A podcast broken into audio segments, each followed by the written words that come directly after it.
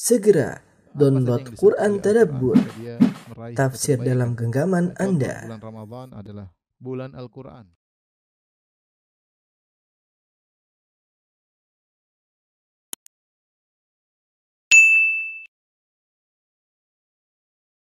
Bismillahirrahmanirrahim. Assalamualaikum warahmatullahi wabarakatuh. Alhamdulillahi ala ihsanih wa syukru lahu ala taufiqihi wa amtinanih wa asyhadu an la ilaha illallah wahdahu la syarika lahu ta'ziman li sya'ni wa asyhadu anna Muhammadan abduhu wa rasuluhu da'ila ridwani Allahumma salli alaihi wa ala alihi wa ashabihi wa ikhwani. Para dokter yang dirahmati oleh Allah Subhanahu wa taala, eh, kita melanjutkan bahasan kita tentang nawaqidul Islam atau nawaqidul iman, pembatal-pembatal keislaman atau pembatal-pembatal keimanan. Dan kita sudah menyampaikan eh, banyak pembatal-pembatal sekitar 11 atau 12 ya, pembatal-pembatal keimanan. Dan pada kesempatan kali ini pada kesempatan kali ini kita lanjutkan batal keimanan berikutnya yang juga dilakukan oleh sebagian kaum muslimin yaitu mengambil perantara dalam beribadah kepada Allah Subhanahu wa taala yaitu dengan beribadah kepada perantara tersebut.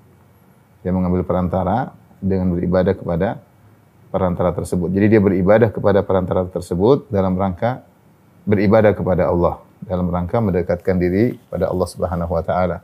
Dan ini yang eh, Allah Subhanahu wa taala eh, sebutkan dalam Al-Qur'an ya di mana orang-orang musyrikin dahulu mereka eh, berkata, "Ma na'buduhum illa liqarribuna ila Allahi zulfa." Tidaklah kami beribadah kepada berhala-berhala ini kecuali untuk mendekatkan diri kami kepada Allah. Ma na'buduhum illa liqarribuna ila Allahi zulfa. Tidaklah kami beribadah kepada berhala-berhala ini kecuali untuk mendekatkan diri kami kepada Allah. Jadi mereka beribadah kepada berhala tujuannya agar bisa beribadah kepada Allah Subhanahu wa taala. Dengan beribadah melalui para berhala, maka mereka mudah dekat kepada Allah Subhanahu wa taala. Dalam surat Az-Zumar ayat 3. Demikian juga dalam surat Yunus ayat 18 Allah berfirman wa ya'buduna min dunillahi ma la yadhurruhum wa la yanfa'uhum wa yaquluna haula'i syufa'auna 'indallah. Mereka beribadah kepada sembahan-sembahan mereka yang tidak bisa beri mudarat dan tidak bisa beri manfaat wa yaqulun dan mereka berkata haula'i syufa'auna 'indallah. Sungguhnya sembahan-sembahan kami adalah pemberi syafaat bagi kami di sisi Allah yaitu memudahkan urusan kami di dunia ataupun di akhirat. Makanya kami menyembah eh, sembahan-sembahan ini karena dengan menyembah mereka akan menjadi syafaat bagi kami di sisi Allah Subhanahu wa taala. Inilah eh, pembatal keimanan akan kita bahas pada kesempatan kali ini. Sebelum kita bahas, saya ingin menjelaskan tentang hakikat tauhid ya. Eh, jadi Allah berfirman dalam Al-Qur'an, ya, perhatikan. Eh, Kul huwallahu ahad katakanlah dialah Allah Maha Esa. Ahad artinya Esa ya. Dan keesaan Allah dari berbagai sisi ya. Esa ya. Pada zat Allah ya, zat. Zat Allah. Kemudian juga eh, Esa pada sifat-sifatnya. Esa pada as-sifat sifat-sifatnya.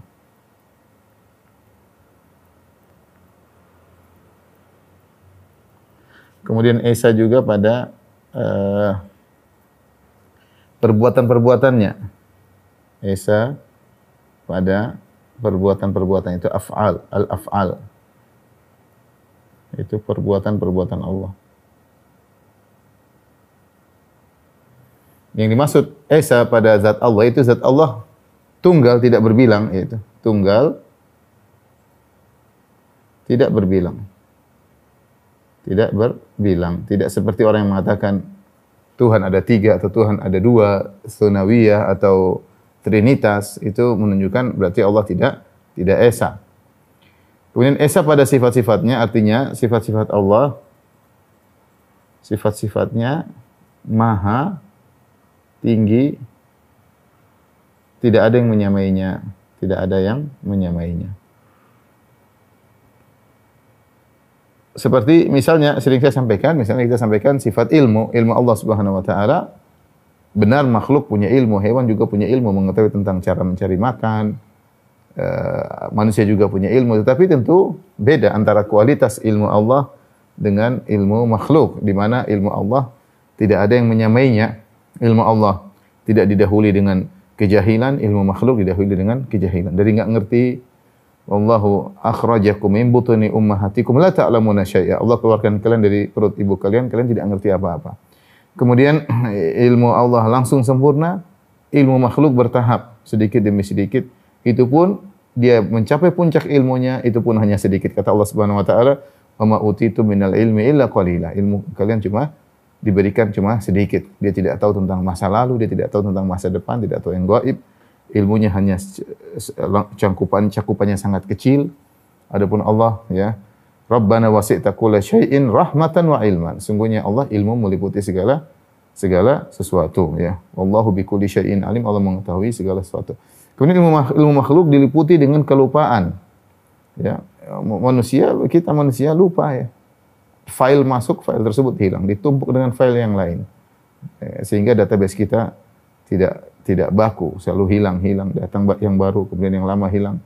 Adapun Allah, wa ma rabb wa ma kana rabbuka nasiya, Rabbmu tidak akan lupa. Demikian juga sifat-sifat yang lain. Jadi sifat Allah, Allah esa dalam sifatnya itu tidak ada yang menyamai sifat-sifatnya.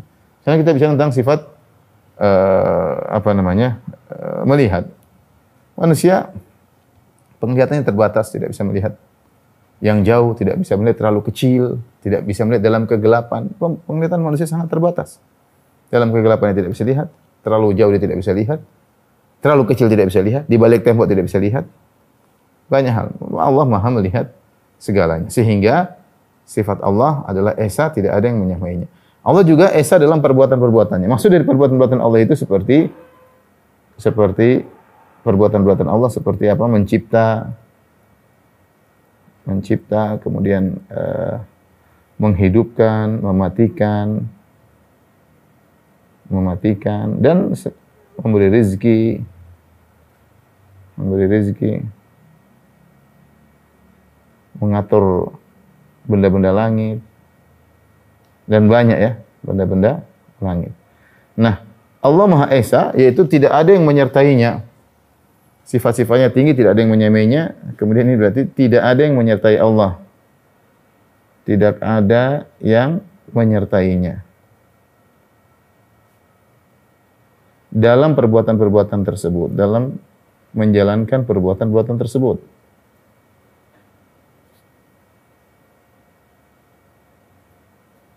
Nah, ini Allah Maha Esa. Maha Esa. Ini kalau kita mau kembali ke pembahasan-pembahasan kita dahulu, ini yang disebut dengan istilah kalau ini namanya tauhid asma sifat, ini namanya tauhid rububiyah.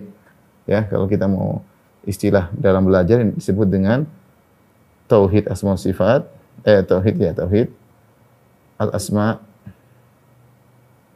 wa as sifat. Kalau ini disebut dengan tauhid ar-rububiyah. Tauhid ar-rububiyah. Nah, kedua hal ini ketika kita tahu bahwasanya Allah Maha Esa dalam zatnya, tidak berbilang Allah Maha Esa dalam sifat-sifatnya, Maha sempurna, tidak ada yang menyamainya, dan Allah Maha Esa dalam perbuatannya, dia sendiri yang menciptakan, dia sendiri yang menghidupkan, dia yang mematikan, dia yang memberi rezeki, dia yang mengatur alam semesta. Maka kalau begitu, timbullah keesaan berikutnya, yaitu dia esa dalam peribadatan. Esa dalam diibadahi. Maksudnya apa? Hanya Allah yang berhak untuk diibadahi. Hanya Allah yang berhak diibadahi. Tidak boleh diskutui. Tidak boleh diskutui. Tidak boleh disyirikan atau diskutui.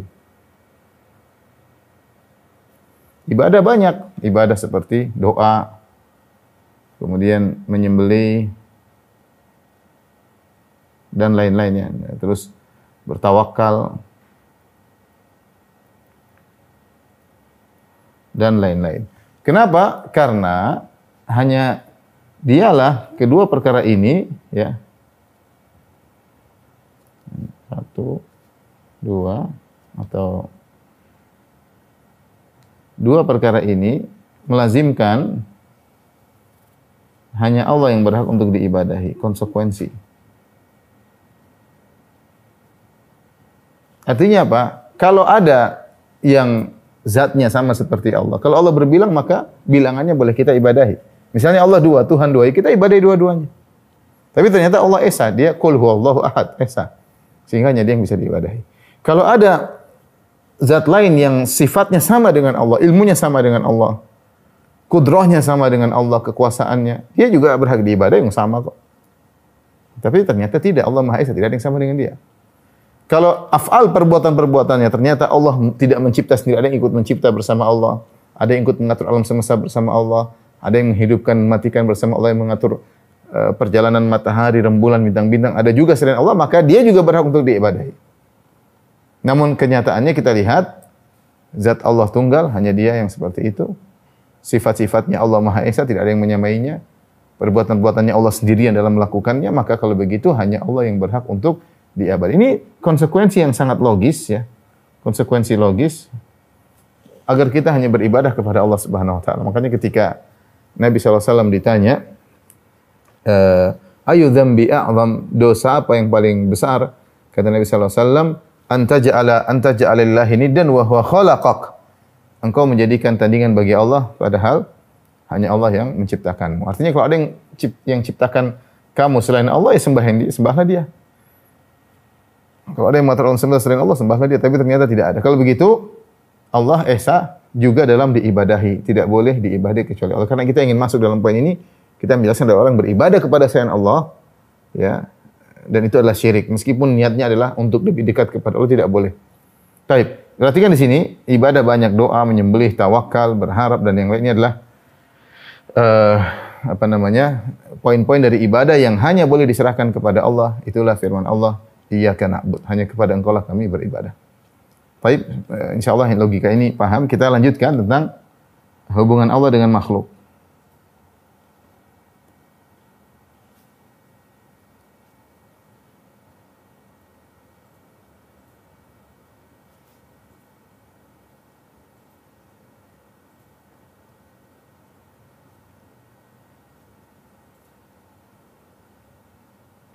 Nah, sekedar faedah bahwasanya uh, pembahasan tentang silatullah bil qaun, hubungan Allah dengan makhluk, di antara yang bahas sangat bagus adalah uh, eh, Dr. Eh, Said Agil Siraj dalam risalah doktorahnya. Dia membahas tentang silatullah bil qaun, bagaimana hubungan Allah dengan alam. Ya, beliau membantah orang-orang sufiyah yang mengatakan bahwasanya uh, ada hubungan orang-orang sufi dengan Allah Subhanahu wa taala secara secara zat ya. Maka kita bilang ada dua kemungkinan hubungan Allah dengan makhluk, dua kemungkinan. Mudah-mudahan saya akan bacakan dari buku beliau. Yang pertama, hubungan disebut dengan hubungan alittisal. Itu eh, apa namanya? Eh, bersambung antara Allah dan makhluk. Dan yang kedua adalah al-infisal. Terputus ya. Antara Allah dengan makhluk.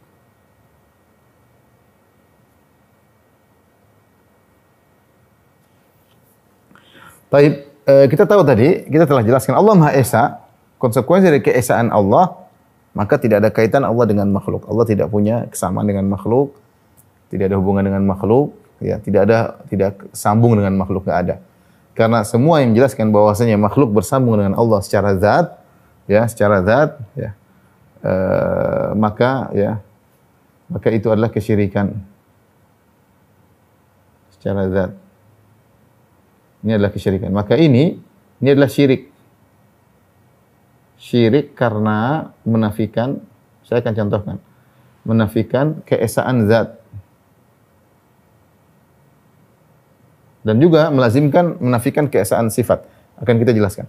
Contoh contoh dan ini apa namanya yang diyakini oleh sebagian kaum muslimin atau di, di, diyakini oleh sebagian eh, makhluk di alam semesta dan juga diyakini oleh sebagian kaum muslimin yang menyimpang. Contoh misalnya keyakinan Nasara.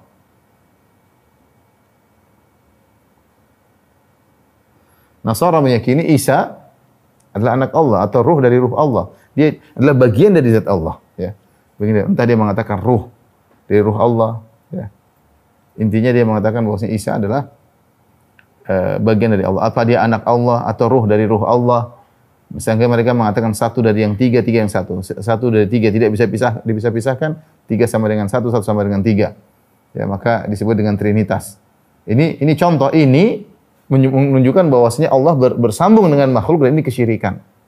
Ini contoh keyakinan orang Nasara bahwasanya Isa ya sambung dengan Allah. Sehingga mereka mengatakan satu sama dengan tiga, tiga sama dengan satu, tiga oknum sama dengan satu, satu sama dengan tiga. Atau mereka mengatakan Isa adalah ruh dari ruh Allah. Ya, ruh dari ruh, ruh Allah. Ini satu contoh ya, yang menjelaskan bahwasanya ada hubungan antara makhluk dengan Allah dan inilah kesyirikan. Contoh kedua seperti orang yang mengatakan keyakinan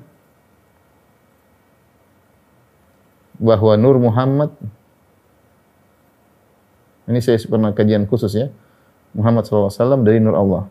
Dari Nur Allah.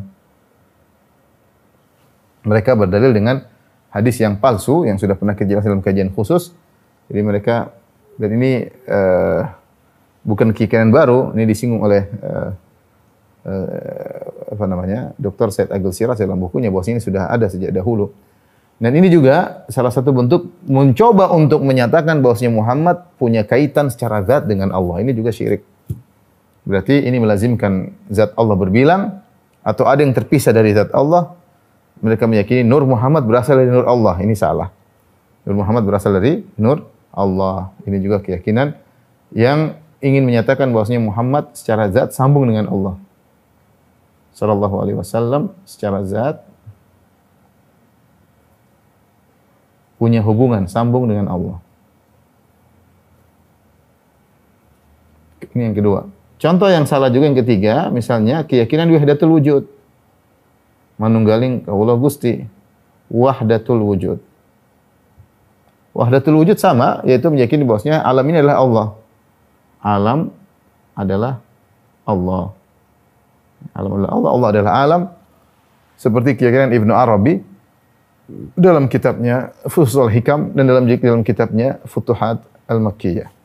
Dia mengatakan wal abdu rabbun war rabbu abdun ya laita syi'ri manil mukallaf. Hamba adalah Tuhan, Tuhan adalah hamba. Kalau gitu kabarkanlah kepadaku siapa yang dibebani untuk beribadah. Siapa? Orang hamba adalah Tuhan, Tuhan adalah hamba. Terus yang disuruh ibadah siapa? Yang suruh beribadah siapa? Demikian juga dalam syair ini dia berkata, aqadal khalaiqu fil ilahi aqaida wa ana taqattu jami'a ma taqaduhu. Dia mengatakan bahwasanya orang-orang punya keyakinan tentang Tuhan bermacam-macam. Saya meyakini seluruh keyakinan mereka. Karena menurut dia semuanya yang disembah itu Allah. Karena Allah adalah alam, alam adalah Allah. Dan ini semua ya. Ini semua adalah pengaruh dari uh, disebut dengan sufiyah muta, mutafalsifah ya. As-sufiyah uh, al-mutafalsifah yaitu sufiyah uh, filsafat. Sufi filsafat. Uh, yang terpengaruh dengan akidahnya sufi uh, apa namanya falasifah Yunaniun seperti Plotinus uh, yang memiliki keyakinan tentang faidul ilahi tentang curahan ilahi yang diikuti oleh Ibnu uh, diikuti oleh Al-Farabi dan juga diikuti oleh Ibnu Arabi sehingga mereka meyakini bahwasanya makhluk adalah curahan dari zat ilahi. Ini pembahasannya panjang tapi intinya ini adalah kesyirikan. Kenapa kesyirikan? Karena mencoba untuk menyatakan bahwasanya zat Allah ada sambung dengan zat makhluk.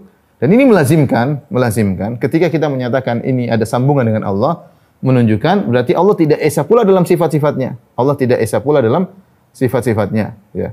Kenapa? Karena ketika zatnya nyambung, berarti melazimkan sifat-sifat makhluk tersebut sama dengan sifat Allah. Atau Allah akan uh, downgrade ya. In, kalau enggak makhluknya upgrade atau down, makhluk Allah downgrade sehingga bisa sinkron atau intinya ini tidak tidak benar. Tidak benar. Makanya untuk membantah ini semua ya. Allah untuk membantah semua maka Allah jelaskan dalam Al-Qur'an bahwasanya tidak ada yang sama dengan Allah. Supaya kita sadar bahwasanya tidak ada hubungan antara makhluk dengan Allah yang yang nyambung. Saya sampaikan di sini untuk membantah ini semua.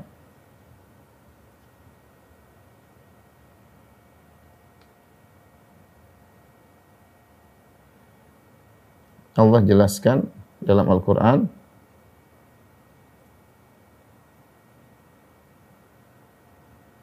perbedaan yang nyata antara Al-Khaliq dengan makhluk. Al-Khaliq yaitu Allah sang pencipta dengan al-makhluk yang diciptakan. Lihat, uh, kita lihat makhluk yang paling hebat. Misalnya kita bicara tentang malaikat. Malaikat yang tercipta dari cahaya. Khuliqatil malaikatu min nur. Malaikat diciptakan dari cahaya. Wa khuliqatil jan min marijin min nar. Jin diciptakan dari uh, nyala api. Wa khuliqal insan mimma wusifa lakum. Adapun Adam diciptakan dari yang sebagaimana Allah sebutkan dalam Al-Qur'an. Ketika Allah jelaskan malaikat, Allah sebutkan malaikat sama sekali tidak ada hubungan dengan Allah. Malaikat tidak ada zatnya terkait dengan Allah. Makanya malaikat yakhafuna rabbahum min fawqihim. Ya, mereka takut kepada Allah yang berada di atas mereka. Ya. Malaikat yusabbihuna Allah apa namanya? Yusabbihu yusabbihuna al-laila wan nahar la yafturun. Mereka bertasbih kepada Allah siang dan malam dan mereka tidak pernah letih. Mereka bertasbih menyuji Allah Subhanahu wa taala. Malaikat bertanya tentang Adam, kata Allah, "Inni a'lamu ma la ta'lamun." Aku tahu yang kalian tidak tahu. Artinya Allah jelaskan malaikat beda dengan Tuhan. Malaikat itu makhluk. Mereka takut, mereka pingsan. Kata Allah Subhanahu wa taala dalam Al-Qur'an, "Hatta idza fuzzi'a an qulubihim qalu madza qala rabbukum." Ketika Allah berbicara, mereka pingsan. Mereka tidak kuat mendengar suara Allah, mereka pingsan. Jadi malaikat takut, mereka takut, malaikat takut kepada Allah. Eh, mereka diperintah oleh Allah wal mudabbirati amra mereka diperintah oleh Allah Subhanahu wa taala. Jadi mereka bukan bukan Tuhan sama sekali. Demikian juga ketika Allah dalam Al-Qur'an Allah membicarakan tentang para nabi. Para nabi, Allah bicara tentang makhluk-makhluk yang super mulia, para nabi. Lihat para nabi bukan tidak memiliki sifat ketuhanan sama sekali, sama seperti malaikat. Karena seandainya kalau mereka zat mereka berasal dari Allah, maka tentu ada sifat ketuhanan. Tapi kenyataannya para nabi tidak demikian. Lihat mereka mereka menikah ya. Ya. Walau qad arsalna rusulan min qablik wa ja'alna lahum azwajan wa dzurriyyah. Sungguh kami telah mengutus rasul sebelum engkau wahai Muhammad. Mereka punya istri dan mereka punya anak-anak. Nabi tidak seperti Tuhan. Tuhan tidak punya istri tidak tidak mattakhadallahu min waladin ya. Maka uh, takul lahu sahibah, Allah tidak punya anak, tidak punya istri. Para nabi punya istri, punya anak. Kemudian mereka lapar, lihat para nabi lapar. Mereka makan. Nabi Musa pernah berdoa, Rabbi inni lima anzalta ilayya min khairin faqir dalam surat Al-Qasas. Ya Allah aku butuh dengan rezeki darimu. Itu Nabi Musa lapar kata para salaf. Lapar ya. Nabi Isa lapar, bahkan dalam Injil dia lapar dia cari makan ya. Para nabi lapar, Tuhan tidak lapar. Ya. Eh, para nabi tidur, para nabi tidur, Nabi Muhammad SAW tidur. Nabi Musa tidur, Nabi Isa tidur, ya. para nabi tidur. Tuhan tidak la ta'khudhuhu sinatun wala naum. Tidak tidak lapar, tidak tidak tidur dan tidak ngantuk. Allah Subhanahu wa taala. Para nabi uh, lapar. Para nabi sakit. Ya. Uh, wa idza maritu fahuwa yashfin kata Nabi Ibrahim kalau aku sakit Allah yang menyembuhkan aku. Nabi SAW meruqyah uh, dirinya kalau dia sakit diruqyah oleh Aisyah sakit sallallahu alaihi wasallam. Kemudian para nabi juga meninggal dunia ya. Innaka mayyitun wa innahum mayyitun. Engkau akan meninggal wahai Muhammad umat sebagian mereka juga akan meninggal ya. ya kata Allah Subhanahu wa taala uh, illa uh, wa ma Muhammadun illa rasulun qad khalat min qablihi rusul. Afa immata aw qutilan qalabatum ala aqabikum. Tidaklah Muhammad kecuali telah berlalu sebelumnya para rasul-rasul. Rasul-rasul yang sebelumnya meninggal Muhammad juga sallallahu alaihi wasallam meninggal. Ya jadi tidak benar bahwasanya nur Muhammad dari nur Allah. Karena konsekuensi logis kalau makhluk-makhluk mulia seperti nabi atau siapa kayak malaikat ada sumber nyambung dengan zat Allah, maka dia akan memiliki sifat-sifat ketuhanan. Maka Allah bantah semuanya. Allah bantah semuanya eh, dengan menjelaskan bahwasanya bahwasanya eh, sifat-sifat mereka ini tidak ada kaitannya dengan sifat-sifat Tuhan menunjukkan bahwasanya zat mereka tidak ada kaitannya dengan zat zat Tuhan. Oleh karenanya yang benar uh, inilah Al-infisal terputus antara Allah dengan makhluk. Al-infisal tam. Terputus inilah tauhid. Kalau ini syirik ini tauhid. Untuk menjelaskan bahwasanya Allah tidak sama dengan makhluk. Allah tidak sama dengan makhluk. Taib, uh, kalau bisa dipahami baru kita lanjut pada pembahasan inti kita. Ini sekedar mukaddimah uh, yang, yang cukup panjang. Kita masuk pada pembahasan inti tentang kesyirikan yang akan kita bahas. Taib. Perhatikan para dokter yang Allah Subhanahu wa taala.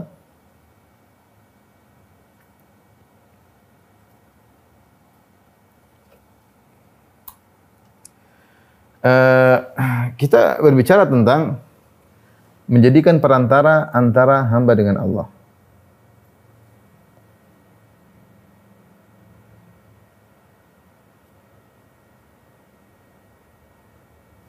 Antara hamba dengan Allah.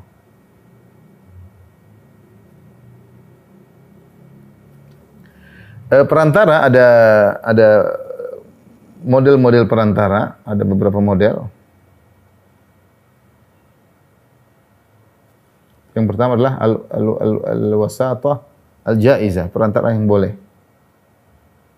Perantara yang benar ya, yang boleh atau bahkan harus diyakini. Contoh seperti seperti apa? Uh, Allah menjadikan menjadi uh, Allah menjadikan atau perantara yang benar ya.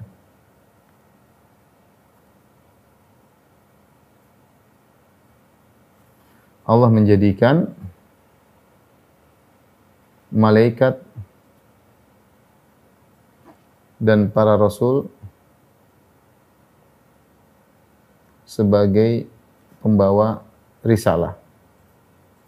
Ini harus kita yakini. Memang benar, malaikat dan para nabi adalah perantara, perantara antara hamba dengan Allah dalam menyampaikan risalah Allah kepada para hamba. Dalam Al-Quran Allah berfirman, Allahu yastofi minal malaikati minal malaikati rusulan wa minan nas. Yang artinya Allah menjadikan di antara para malaikat sebagai utusan-utusan Allah dan di antara manusia yang utusan-utusan Allah. Tugas mereka adalah menyampaikan firman Allah. Malaikat Jibril mendengar firman Allah dari Allah menyampaikan kepada Nabi Muhammad sallallahu alaihi wasallam. Nah, perantara ini perantara yang harus diyakini. Ini wajib diyakini. Wajib diyakini. Ketika Allah Subhanahu wa taala menyampaikan risalah kepada makhluknya, kepada manusia secara umum, Allah pakai perantara. Perantaranya kalau bukan malaikat, perantara melalui para nabi. Atau para nabi malaikat pun para nabi kemudian kepada manusia secara umum. Tidak tidak seperti perkataan sebagian orang-orang sufi yang ekstrim yang mengatakan haddatsani uh, Rabbi ya, ya haddatsani qalbi an Rabbi. Dia mengatakan aku telah disampaikan oleh hatiku langsung dari Allah Subhanahu wa taala. Sehingga uh, merangkak kita enggak perlu rasul kita langsung dari Allah. Enggak kita bilang untuk mendapatkan firman-firman Allah harus lewat perantara. Itu aturan Allah. Perantara tersebut bisa malaikat bisa uh, para nabi ya. Adapun seorang mengatakan saya tidak perlu melalui para nabi saya langsung nyambung ke Allah ini tidak tidak tidak dibenarkan. Maka wajib diyakini bahwasanya Firman Allah tidak sampai kepada kita kecuali melalui perantara. Di antara juga misalnya Allah menjadikan menjadikan perantara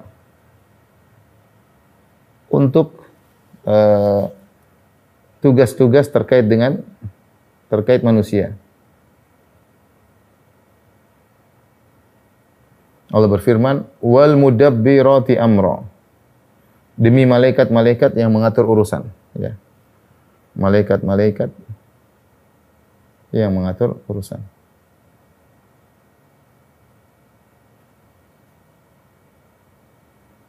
Ada malaikat yang mencabut nyawa, ada malaikat yang menurunkan hujan, ada malaikat yang mengatur awan. Ini semua Allah jadikan perantara untuk menjalankan tugas-tugas. Mereka adalah junudullah. Ya mama ya alamu junuda rabbika illahu. Tidak ada yang mengetahui jumlah pasukan Allah itu para malaikat kecuali Allah Subhanahu wa taala. Mereka tunduk, mereka tidak bisa berbuat seenaknya. Mereka hanya menjalankan tugas dari Allah Subhanahu wa taala. Mereka tidak bisa melewati ya apa yang Allah perintahkan. Ya kata Allah Subhanahu wa taala, la ya'sunallaha ma amarahum wa yaf'aluna ma yumarun. Mereka tidak pernah membangkang terhadap perintah Allah dan mereka menjalankan seluruh perintah Allah. Malaikat seperti itu. Allah menamakan mereka rusul seperti firman Allah Subhanahu wa taala, "Hatta idza jaa ahadakumul mautu tawaffathu rusuluna wa hum la yufarritun." Ketika salah seorang dari kalian didatangi kematian, maka datanglah rasul-rasul kami mencabut nyawanya. Allah menamakan para malaikat dengan uh, rasul-rasul ya. Ya, seperti Allah mengirim uh, malaikat azab ya. Uh, apa namanya? Allah mengatakan rusuluna, rasul-rasul kami datang kepada uh, malaikat kepada Nabi Ibrahim, kepada Nabi Nabi, Nabi Lut alaihissalam ya. Uh, Allah sebut dengan para rasul. Ini perantara yang yang kita yakini ya yang dijadikan uh, oleh Allah Subhanahu wa taala sebagai uh, perantara. Nah, ada perantara yang yang merupakan kesyirikan. Ini yang poin kita bahas, perantara yang syirik. Yaitu perantara yang diibadahi. Perantara yang diibadahi. Jadi ini ini ini Allah benarkan kalau ini tidak benar, tidak Allah tidak bolehkan. Inilah yang eh, apa namanya? yang dikatakan oleh kaum musyrikin, haula isyufa'auna indallah. Kami menyembah mereka ini karena mereka beri syafaat bagi kami di sisi Allah. Mereka jadi perantara kami untuk beri syafaat bagi kami di sisi Allah Subhanahu wa taala. Demikian juga mereka berkata, "Ma na'buduhum" dalam surat Az-Zumar, "Ma na'buduhum illa liyuqarribuna ila Allahi zulfa." Kami tidak menyembah mereka uh, kecuali untuk mendekatkan kami kepada Allah dengan uh, sedekat-dekatnya. Ya, sedekat-sedekatnya. Taib, perantara yang dibanding ada dua model. Pertama, diibadahi.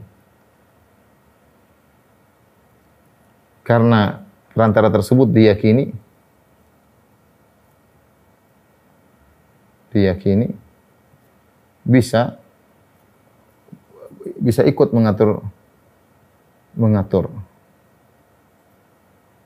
Mungkin seperti ada yang menyembah uh, ini mungkin saja, mungkin saja meyakini menyembah uh, wali tertentu dianggap karena dia al-Ghauthul Akbar, dia, dia telah diberi kekuasaan oleh Allah untuk kun fayakun. Seperti yang terdapat dalam buku Jawah Al-Jawahirul Ma Jawahirul Ma'ani uh, mereka meyakini bahwasanya Syekh Abdul Qadir Al-Jailani rahimahullahu taala telah diberi kun oleh Allah. Sehingga dia bilang kun fayakun. Ya, seperti ini menunjukkan dia saja wali orang soleh disembah karena diyakini bisa eh, melakukan sesuatu yang luar biasa ya seperti karena bisa kun fayakun dan yang lainnya ini tentu adalah kesyirikan ya. Kemudian yang kedua misalnya diibadahi agar eh, menjadi lebih dekat kepada Allah.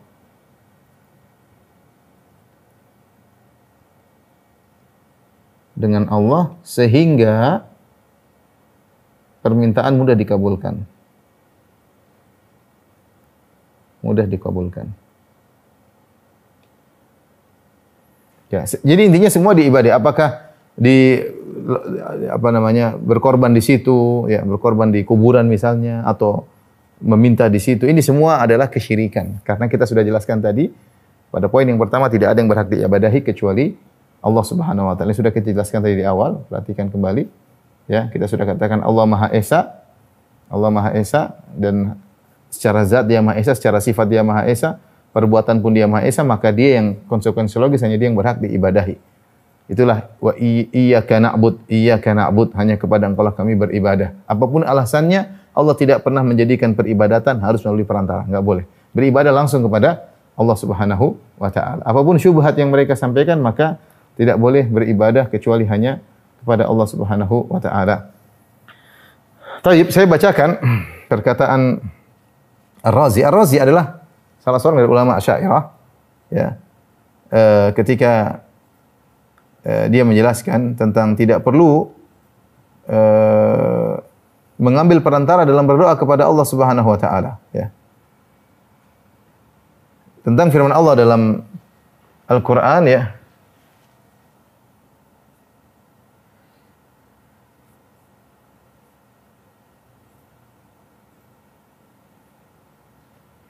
Uh, beliau berkata tentang dalam surat Al-Baqarah wa idza sa'alaka ibadi anni fa inni qarib. Ujibu da'watad da'i idza da'an dalam dalam surat Al-Baqarah ketika terkait dengan ayat puasa ada firman Allah, "Wa idza sa'alaka ibadi anni," jika hamba-hambaku bertanya kepada engkau tentang aku, fa inni qarib, katakanlah aku adalah dekat. Dekat bagaimana? Ujibu da'watad da'i idza da'an. Aku sangat dekat dan aku mengabulkan doa orang yang minta kepadaku. Bahkan Allah tidak mengatakan fakul, katakanlah. Beda dengan ayat-ayat yang lain. Kalau ada yang bertanya kepada Nabi SAW tentang suatu, Allah mengatakan fakul maka katakan. Seperti yas'alunaka uh, anil ahillah kul hiya mawaqitu nasi wal hajj. Mereka bertanya kepada engkau wahai Muhammad tentang hilal-hilal. Kul katakanlah. Ya. Katakanlah bahwasanya itu adalah untuk waktu-waktu uh, bagi manusia, penentuan waktu dan untuk juga haji. Jadi setiap ada pertanyaan kepada Nabi, Allah mengatakan kul katakanlah. Tetapi ketika terkait dengan doa, kata Allah Subhanahu wa taala, "Wa idza sa'alaka ibadi anni" Jika hamba-hambaku bertanya kepada engkau Muhammad tentang aku, Allah tidak mengatakan kul inni qarib. Katakanlah, tidak ada kata katakanlah enggak ada. Langsung Allah mengatakan fa inni qarib. Allah jawab sendiri, sungguhnya aku ini sangat dekat. Maha dekat ujibu da'wata da'i da'an. Maha dekat dalam mengabulkan permintaan orang-orang yang berdoa. Perhatikan kata Ar-Razi padahal dia dari Asy'ariyah dia mengatakan, wa fi hadhil ayah, ayat ini, wa idza sa'alaka ibadi anni fa inni qarib wa lam yakul faqul. Ketika Allah berfirman, jika hambaku bertanya kepada engkau tentang aku, katakanlah aku dekat. Sungguhnya aku ini sangat dekat. Allah tidak berkata, fakul katakanlah wahai Muhammad. Tidak. Fatadulu ala ta'zimi halid doa. Ini ayat menunjukkan tentang agungnya kondisi doa. Min wujuhin, dari banyak sisi. Ya. Al-awwal, sisi yang pertama, ka'annahu subhanahu wa ta'ala yakulu abdi anta innama tahtaju ilal wasita fi ghairi waqti doa.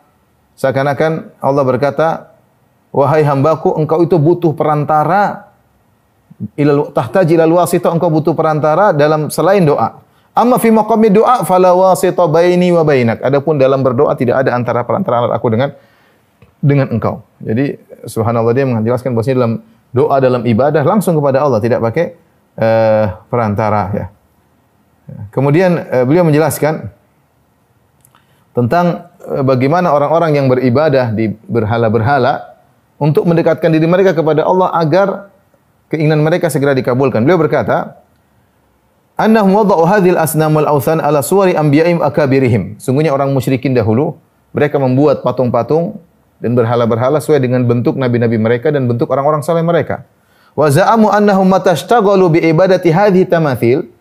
Mereka membuat patung-patung tersebut dan mereka menyangka kapan mereka sibuk beribadah kepada patung-patung ini yang merupakan simbol dari orang-orang saleh, simbol dari orang-orang uh, para nabi fa inna ulaikal akabir takunu syufa'alahum indallahi taala. Maka kalau mereka sibuk beribadah kepada patung-patung ini yang merupakan simbol dari orang-orang soleh, kelak orang-orang soleh ini akan menjadi pemberi syafaat bagi mereka di sisi Allah. Kemudian kata beliau perhatikan, wa nadhiru fi hadzal zaman, wa nadhiru fi hadzal zaman.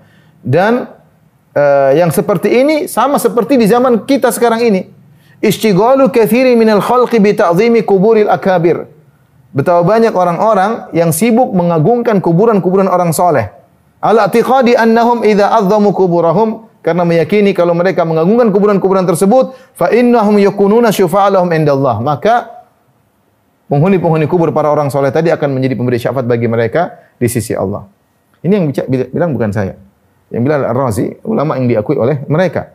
Begini mengatakan bahwasanya Ar-Razi dalam asma sifat banyak kesalahan tapi ketika bicara tentang tauhid al-uluhiyah dalam masalah ini dia mengatakan bahwasanya uh, sebagaimana yang terjadi di zaman kami ini, betapa banyak orang-orang mengagungkan kuburan, kuburan orang soleh, kuburan Habib-Habib, kuburan mungkin wali-wali, kuburan mungkin uh, mungkin kuburan Nabi, kuburan siapa, kuburan orang besar, orang-orang soleh, ya, yang dan itu mereka orang-orang soleh memang, tapi diagungkan, ya, bahkan ibadah di situ, ya, uh, dengan meyakini bahwasanya mereka kelak akan memberi memberi syafaat. Ya, dan ini adalah kesyirikan. Oleh karenanya tidak ada ketika beribadah kita mengambil perantara. Tidak boleh. Ini eh, kenyataan pahit yang terjadi dan di YouTube ada saya sering sampaikan bagaimana sebagian orang-orang minta kepada langsung berdoa. Berdoa itu ibadah. Dia minta kepada orang-orang saleh. Tapi orang Syiah mengatakan ya Husain al-Madad, ya Husain al-Madad wahai Husain pertolonganmu, ya Husain pertolonganmu. Ini enggak boleh. Seperti di YouTube juga ada bagaimana seorang wanita Arab kemudian berkata, "Ya Syekhul Arab," ya. Ramaitu hamuli alaik ya Allah, wahai wahai orang soleh ya Said Al-Badawi, aku lemparkan seluruh bebanku kepada dirimu. Ya. Ya Syekh Al-Arab, isfili waladi. Wahai Syekh Al-Arab, wahai sang wali, sembuhkanlah anakku. Ini sudah syirik. Ketika itu ada yang tegur di sampingnya. Quli ya Rabbi, quli ya Rabbi, katakanlah ya Rabbku, ya Rabbku. Jangan bilang jangan bilang wahai wali, wahai wali. Ini ini bukan juga pengagungan, ini langsung meminta ya. Ya, langsung meminta. Jadi saya katakan uh, diibadahi uh, karena di karena perantara tersebut diyakini bisa ikut mengatur sehingga meminta meminta langsung. Ini jelas-jelas syirik.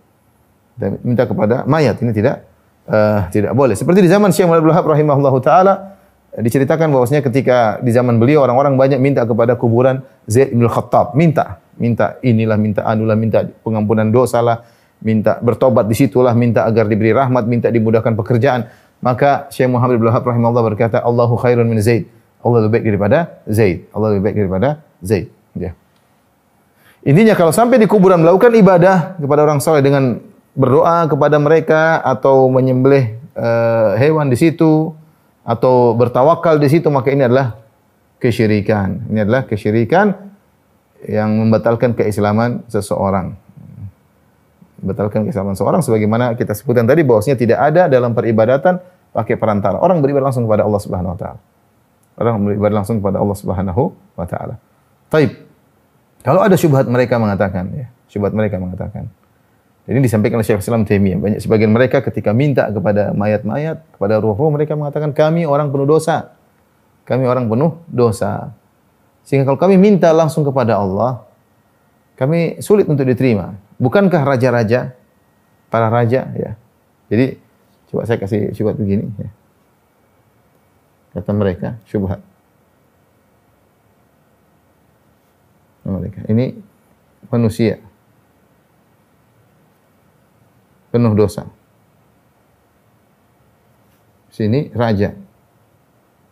Atau di sini Allah. Ini raja. Atau penuh dosa. Atau kalau untuk raja, miskin misalnya. Rakyat jelata.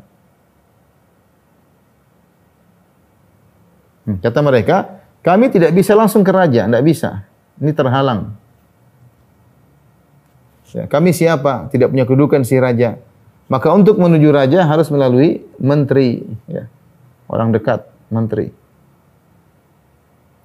Sehingga dia akan menyampaikan kepada raja. Adapun langsung ke raja, maka kami ini siapa? Raja tidak kenal kami, kami tidak tahu, ya. Kami rendah, bagaimana kami dilirik oleh oleh raja? Ini kias. Mereka mengkiaskan bahwasanya raja sama dengan Allah Subhanahu wa taala. Dan ini adalah kias ma'al farik ini tidak benar. Menyamakan Allah dengan raja tidak benar karena banyak perbedaannya. Ya, kalau kalau kita manusia penuh dosa langsung kepada Allah tanpa perantara. Kenapa? Karena Allah Subhanahu wa taala Maha mengetahui Dia tahu seluruh hamba-hambanya, ini Maha penyayang. Maha mengampuni. Maka siapa yang mengkiaskan Allah dengan raja, kemudian menyuruh orang untuk beribadah melewati perantara, harus tidak perlu pakai wali. Ya, di sini ada wali, ya, atau sunan. Ya. Ini tidak perlu. Kalau dalam beribadah tidak perlu langsung daerah kepada Allah Subhanahu wa taala. Ini mengkiaskan dengan raja salah. Ini kias yang tidak tidak benar ya. Para nabi saja langsung berdoa kepada Allah Subhanahu wa taala. Ya, para nabi berdoa langsung kepada Allah Subhanahu wa taala. Adapun kita beribadah kepada para wali, beribadah kepada para nabi ini tidak diperkenankan. Seorang minta langsung kepada Allah Subhanahu wa taala. Taib ini uh, jadi tidak boleh kita beribadah kepada siapa pun. Siapa yang beribadah kepada Allah musyrik, jelas. Yang berhak diibadahi cuma Allah. Siapa yang beribadah kepada Allah maka dia musyrik. Ada satu pembahasan terakhir yang mungkin perlu kita ingatkan, masalah khilaf di kalangan para ulama tentang apa? Tentang orang yang datang ke kuburan Kemudian dia tidak minta kepada mayat, tapi dia minta tolong sampaikan doanya. Dia tidak bilang, wahai Nabi sembuhkan aku, uh, wahai Ahmad al-Badawi uh, sembuhkanlah anakku, atau atau wahai Ahmad al-Badawi mudahkanlah uh, pangkatku, atau mudahkanlah eh, karirku. Dia tidak mengatakan demikian. Tapi dia datang kepada misalnya kuburan orang soleh, atau kepada kuburan nabi, atau kuburan wali, atau kuburan sunan. Kemudian dia berkata, wahai wali, tolong sampaikan permintaanku kepada Allah. Ya.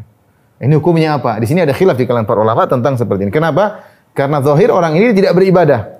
Dia tidak sedang beribadah, dia hanya minta agar disampaikan permintaannya kepada Allah. Kalau dia beribadah misalnya dia doa langsung kepada mayat, ini syirik. Atau dia menyembelih kepada untuk mayat, maka ini syirik. Ya, itu jelas kesyirikan.